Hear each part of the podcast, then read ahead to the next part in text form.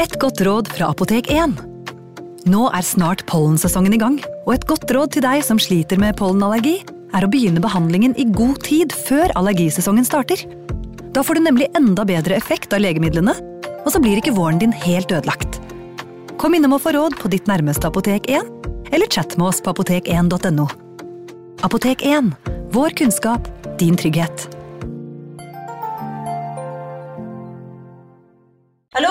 Jeg kommer fra Oslo politikammer. Ine Jansen er purk. Er du purk? The motherfucking bitch. Alt jeg vil, er å finne ut hva som skjedde med mannen min. Jon Carew. Er jeg sikta for noe? Iben Akeli. Det er du. Ole So, Lars Berrum og Big Daddy Karsten. Hvem sin side er du på, egentlig? Anette Hoff, Tone Danielsen, Kommer du fra Afrika? Jørnis Josef, Nesten kløfta. Trond Espen Seim, Det er synd å si det, men det var feil mann som døde. Purk. Premiere tirsdag på TV2 Play.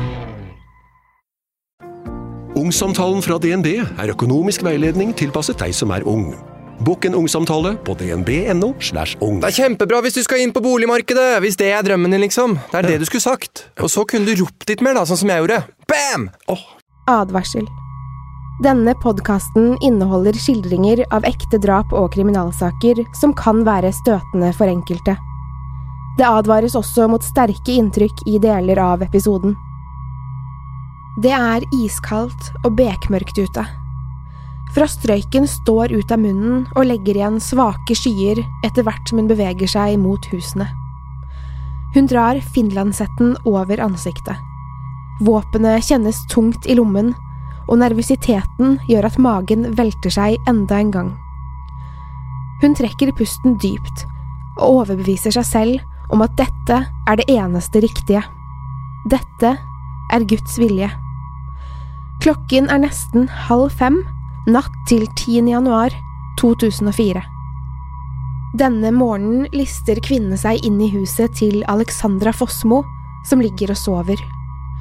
Med lette, men bestemte steg går hun opp trappen og inn på soverommet der kvinnen ligger i sengen sin. Hun hører Alexandras langsomme pust og er sikker på at hun sover. Det er nå det skal skje. Armen, forlenget av pistolen, heves.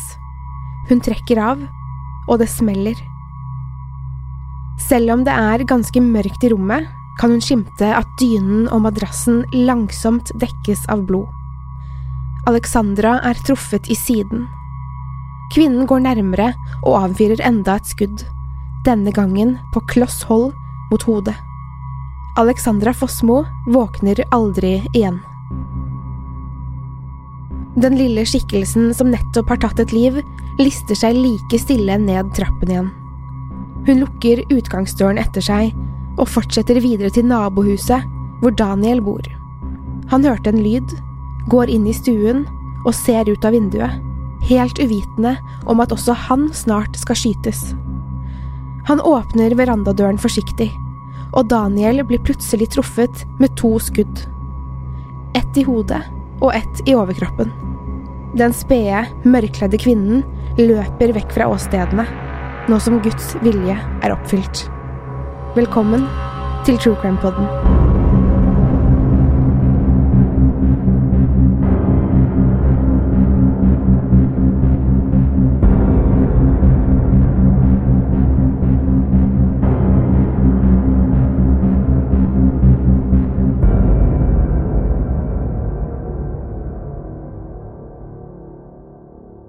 Helge Fossmo blir født den 27. juli 1971 i Kristinehamn, som ligger i Värmland i Sverige.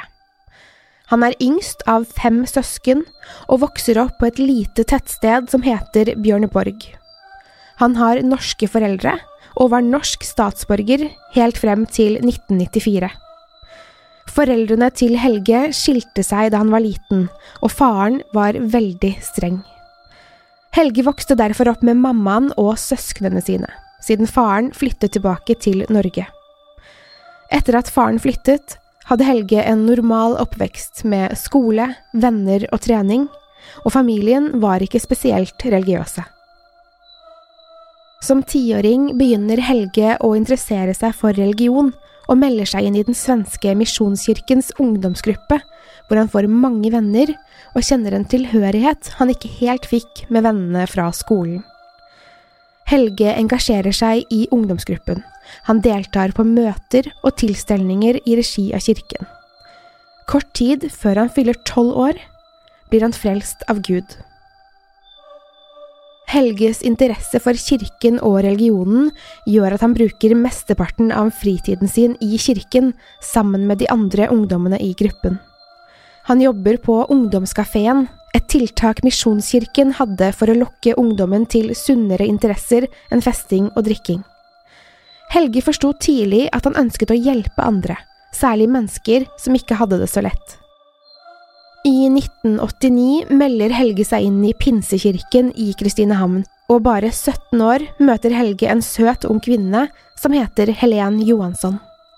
De forelsker seg i hverandre, og i 1994 kan de endelig gifte seg. Både Helge og hans nye kone er medlemmer av Pinsekirken. Helge og Helen får etter hvert to barn sammen, født i 1995 og 1996.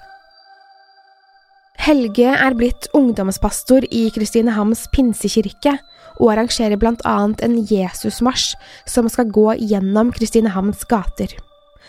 Toget vakte oppsikt i gatene da noen av medlemmene talte i tunger under marsjen.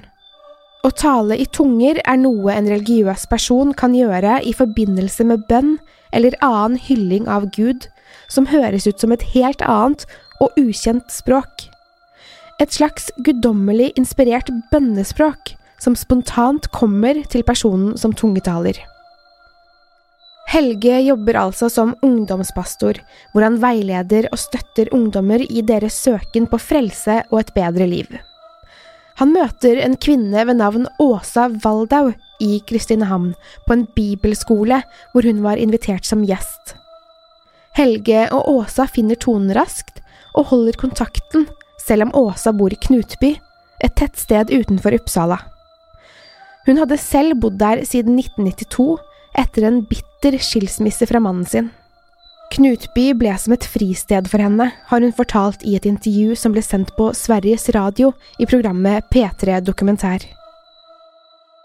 I 1997 bestemmer Helge seg for at han selv, kona Helen og de to barna skal flytte til Knutby og melder seg inn i Philadelphia-menigheten. Helge og familien trives godt, og det er mens de bor her at deres tredje barn blir født. I Knutby grunnlegger Helge Fossmo og Åsa Waldau en ny bibelskole som de ønsker skal kunne ta imot søkere fra hele Sverige. I tillegg til bibelskolen i Knutby starter også Helge en misjonsstiftelse som opererte i Estland, India og Hongkong. Helge blir allerede fra starten av godt likt i Knutby. Han holder inspirerende og morsomme prekener som engasjerer folk i Philadelphia-menigheten på en annen måte enn tidligere. Han hadde en uvanlig tilnærming til Gud som gjorde at de andre i menigheten så opp til ham. Helge så alle, ville hjelpe alle og var likt av alle. Åsa beskriver Helge som en karismatisk, modig og utfordrende pastor som turte å ta opp temaer andre pastorer ikke ville innom. Alt jeg har fortalt hittil om Helge Fossmo, tegner et bilde av en omtenksom mann med et bankende hjerte for de vanskeligstilte og et ønske om at de rundt han skal få et nært forhold til Gud. Han brydde seg om alle og viet livet sitt til Gud og fremming av Guds navn. Karismatiske Helge var en familiemann med søt kone, tre barn og en god jobb som ungdomspastor. Det skulle ikke vare. Helge tilbringer mye tid med Åsa Waldau. De diskuterer religion, Gud og hvordan de skal drive bibelskolen videre. Helge er snart mer med Åsa enn med sin egen familie. Helen er ikke spesielt fornøyd med det men har likevel en forståelse for Helges viktige arbeid for kirken. Han og Helen flytter inn i nabohuset til Åsa, men selv om veien hjem til sin egen familie er kort, tilbringer Helge ofte natten i Åsas hus, hvor de arbeider. Det er i hvert fall det han forteller Helen. Helge og Åsa leser mye i Bibelen og tolker de bibelske tekstene sammen. Helge blir etter hvert overbevist, eller later som han blir det, om at Jesus skal ha en menneskelig kone på jorden. Han sier til Åsa at er det noen som skal være Kristi brud, så måtte det bli henne.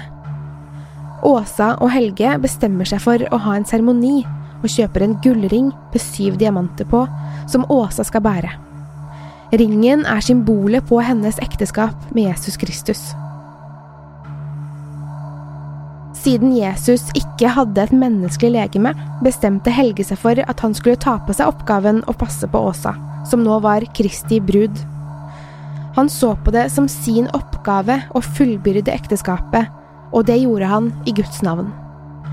Helge så på seg selv som en forlengelse av Jesus, og overbeviste Åsa om at det var han som måtte tilfredsstille henne seksuelt med hendene sine, noe han veldig ofte gjorde. Åsa Waldau selv benekter at dette skjedde, og at hun og Helge kun var venner og kolleger.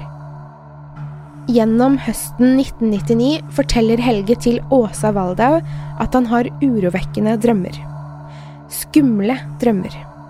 Han drømmer om kona si, Helen, og at hun skal dø. Åsa svarer at han sikkert bare har mareritt, men Helge fortsetter å fortelle om drømmene sine. Han forteller at han ser Helen ligge død i et badekar, og er bekymret for at han kan være sanndrømt. Helge forteller ikke bare Åsa om drømmene sine, men også flere andre i ledergruppen. Alle er enige om at Helges drømmer ikke kommer til å bli virkelighet, og beroliger han med at det sikkert bare er stress som gjør at han drømmer slik. Helge hadde nemlig hatt helseproblemer den siste tiden, før drømmene om konas død kom til han. Helge hadde fått diabetes og hadde vært innlagt på sykehus som følge av diabetesen samme høst. Det er rett før jul den 18. desember 1999. Helge er hjemme i huset med barna og kona Helen.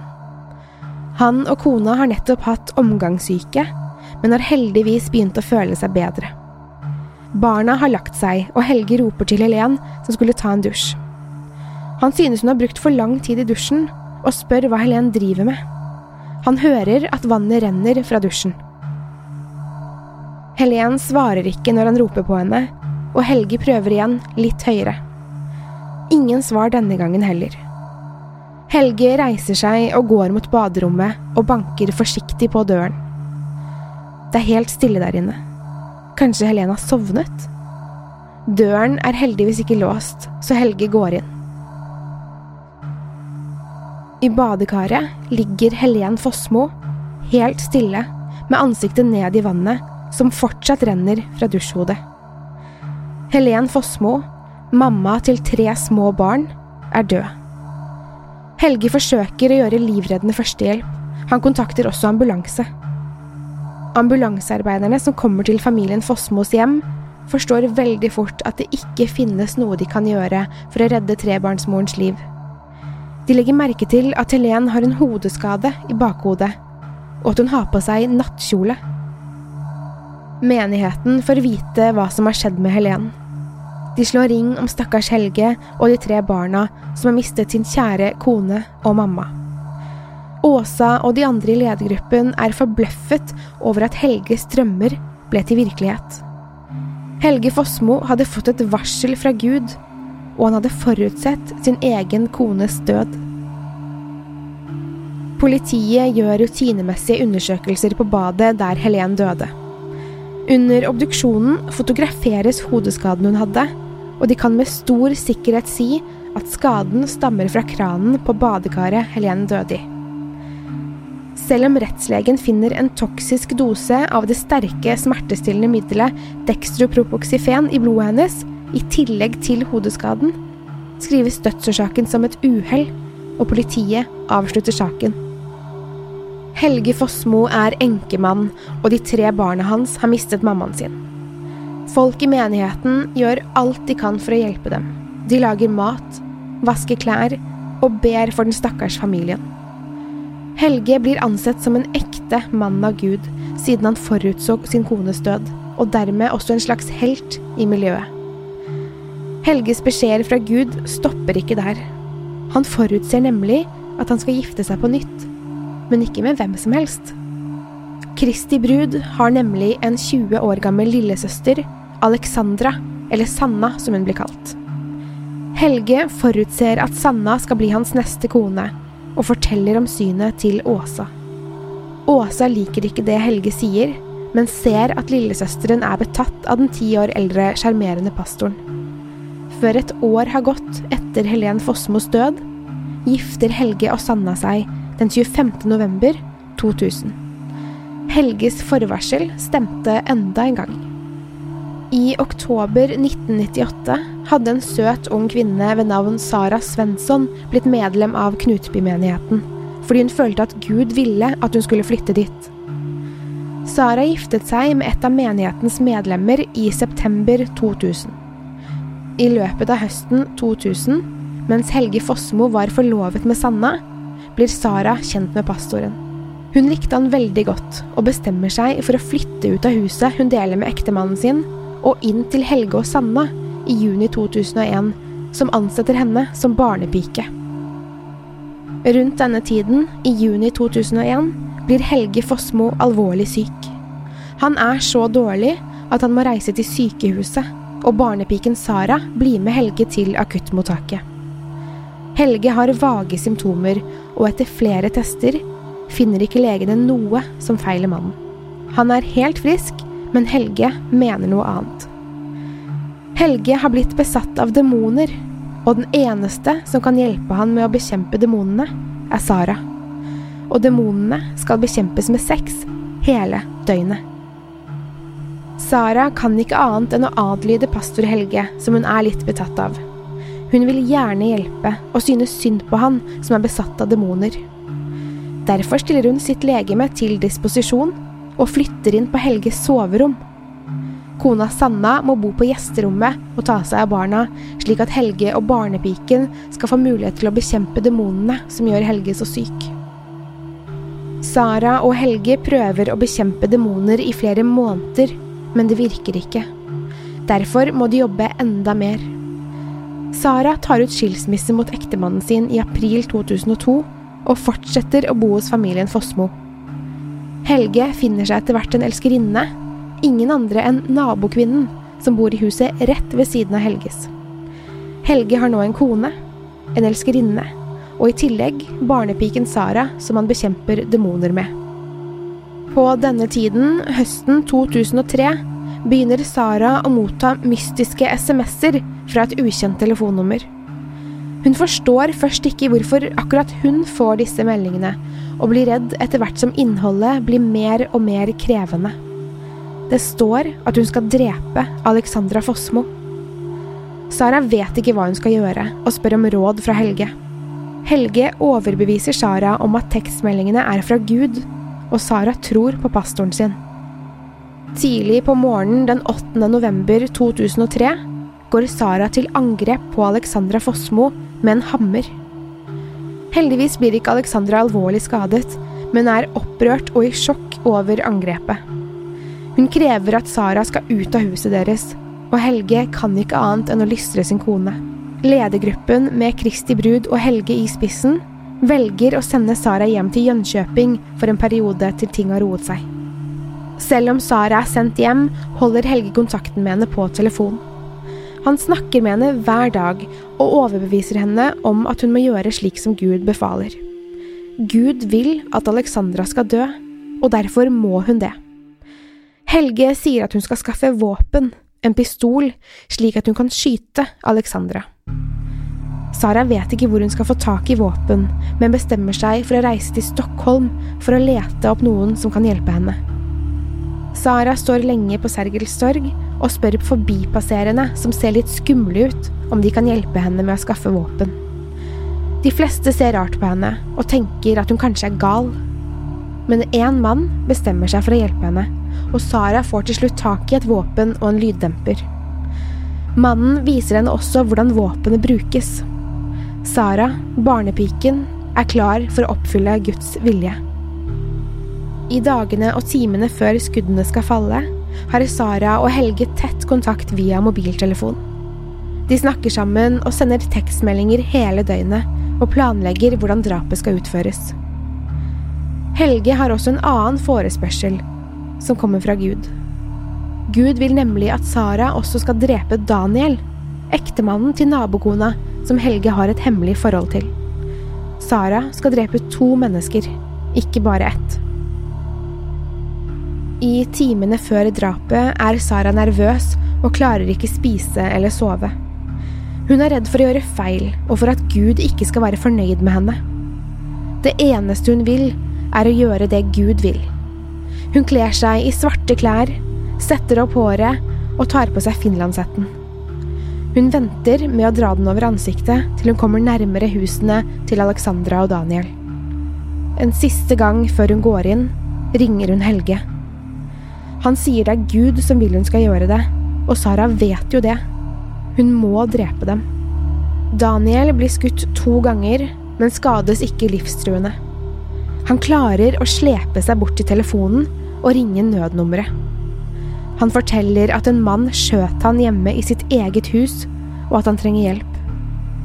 Politi og ambulanse kommer til stedet på kort tid, og den lille delen av Knutby, der de fleste i menigheten bodde, ble badet i blålys. Sara har allerede løpt fra stedet og tilbake til bilen sin, som hun parkerte slik at ingen skulle se den. Desperat, redd og i sjokk kjører hun fra Knutby i retning Småland. Lyddemperen kaster hun i en søppelkasse i Vrikstad og kjører videre gjennom Småland før hun kaster våpenet i Kalmarsund. Tilbake i Knutby har Helge Fossmo fått høre at naboen og vennen Daniel er skutt, og bestemmer seg for at han skal følge med Daniel i ambulansen.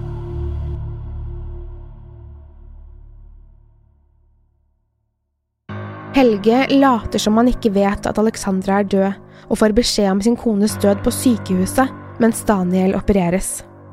Folk i Knutby er i sjokk, og resten av Sverige våkner opp til en av de mest omtalte drapene i landets historie. Åsa er i London og får vite om søsterens død mens hun er der. Åsa er knust over å ha mistet lillesøsteren sin, og reiser hjem så fort hun klarer. Nyheten om Knutby-dramaet slår ned som en bombe, også her i Norge. Den norske pastoren Helge er på forsiden sammen med bilder av Alexandra, og man begynner etter hvert å ane at det er en sekt som er i fokus. Pressen får ikke nok, og journalister fra hele Europa kommer til Knutby. Dagen etter skytingen blir Sara Svensson pågrepet og siktet for drap og drapsforsøk. Én ting hun sier ved pågripelsen, får politiet til å tenke annerledes. Sara sier uoppfordret. Jeg gjorde det helt selv. Det var ingen andre innblandet. På grunn av det Sara sa, tror politiet at det kan ha vært flere innblandet likevel. De begynner å forstå at Sara har hatt tett kontakt med en annen i tiden før drapet, og finner ut etter et par uker at telefonen kan kobles til Helge. Sara innrømmer at Helge visste hva hun skulle gjøre, og han arresteres. Det samme gjør Daniels kone, Helges elskerinne. Hun slippes etter to uker, da politiet ikke tror hun hadde noe med drapet eller drapsforsøket å gjøre. Men Helge Fossmo og Sara Svensson, de varetektsfengsles. Hele menigheten tar sterk avstand fra Helge, og han har plutselig ingen støtte lenger. Åsa og resten av ledergruppen prøver å stoppe ryktene om at de skal ha vært en sekt, men det er ikke lett etter at historien om Kristi brud kommer ut, og tidligere medlemmer forteller om hvor strengt det var å være medlem i Knutby-menigheten. Rettssaken mot Helge Fossmo og Sara Svensson blir et mediesirkus uten like. Pikante detaljer du bare tror kan hende på film, kommer frem i lyset, og Helges manipulative måter å få viljen sin på maler et bekmørkt bilde av den en gang så godt likte pastoren. Forsvareren hans får en umulig oppgave. De mener at Helge er forhåndsdømt av media. Likevel står de tekniske bevisene sterkt i rettssaken mot den tidligere pastoren, og tingretten dømmer han til livstid i fengsel for medvirkning til mord og medvirkning til mordforsøk. Helge blir ikke dømt for mord på sin første kone, Helen Fossmo. Sara Svensson innrømmet det hun hadde gjort, og fortalte gråtende i retten om hvor redd hun var for at Gud ikke var fornøyd med henne, og trodde hun ikke var verdig av Guds kjærlighet. Sara Svensson var ekstremt lett påvirkelig, og i en veldig sårbar situasjon. Retten mente at Sara var alvorlig psykisk syk, og dømte henne til tvungen psykisk helsevern. Sara sonet sin straff på den rettspsykiatriske regionsklinikken i Vadstena og ble skrevet ut i desember 2011. Etter den tvungne behandlingen utdannet hun seg innen tekstil på folkehøyskole, og samtidig fikk hun videre behandling. Sara jobber i en annen menighet nå, og har lagt Knutby-dramaet bak seg. Helge Fossmo derimot likte ikke dommen han fikk. Han mente dommen var feil, og klaget den inn til det som tilsvarer lagmannsrett i Norge, deretter til Høyesterett, og til slutt Menneskerettsdomstolen, som mente at saken ikke hadde grunnlag for å tas opp på nytt. I et intervju med TV4 i Sverige innrømmet Helge delvis skyld i drapet og drapsforsøket. Noen tror han gjorde det i et forsøk på å få saken for retten enda en gang. Påtalemyndigheten bestemte også denne gangen at saken ikke skulle prøves på nytt. Helge søkte i 2014 om en tidsbestemt straff, og fikk tildelt 24 år bak murene. Det betyr at Helge Fossmo kan prøveløslates når to tredjedeler av straffen er sonet, og det er bare litt over et år til. I 2020. Men Helge slipper ikke ut så lett. I oktober 2017 besluttet tingretten at han ikke skal prøveløslates i 2020 likevel, grunnet dommen og sakens alvorlige natur, og fordi de ser på Helge som ekstremt manipulativ og potensielt farlig. Helge har vært gift i fengselet, i hele ni år, men kona skilte seg fra han i 2016. Helge har også byttet navn i fengselet. Han heter ikke lenger Helge Fossmo. Nå heter han Helge Iversen. Og han kommer til å komme ut av fengsel om noen år. Det finnes en del spennende litteratur om Knutby-saken, og hvis du vil vite mer, anbefaler jeg deg å lese boken Knutby-koden, skrevet av norsk-svenske Eva Lundgren. Boken er basert på intervjuer med Helge i fengselet. Jeg har blant annet brukt denne boken mens jeg har jobbet med denne episoden, og anbefaler boken på det varmeste. True Crime-podden reiser fra Knutby og Sverige for denne gang, men lover å besøke vårt kjære naboland snart igjen. Vi legger som vanlig ut bilder tilhørende denne saken på Instagram, hvor vi heter True Crime Norge, og på Facebook, hvor vi heter True Crime Podden. Har du tips til spennende og litt annerledes episoder, send meg mail på post at truecrimenorge.no. Jeg håper vi ses på Edderkoppen scene i Oslo den 19. desember. Da har du nemlig muligheten til å få høre to mordhistorier på samme kveld, live fra scenen. Billetter finnes på ticketmaster.no.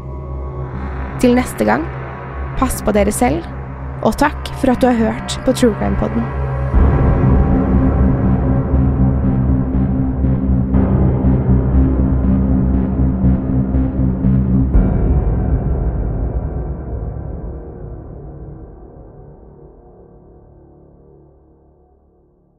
Har du et enkeltpersonforetak eller en liten bedrift? Da er du sikkert lei av å høre meg snakke om hvor enkelt det er med kvitteringer og bilag i fiken, så vi eh, gir oss her, vi. Fordi vi liker enkelt. Fiken superenkelt regnskap. Hei! Takk for at du lytter til True Crime Podden.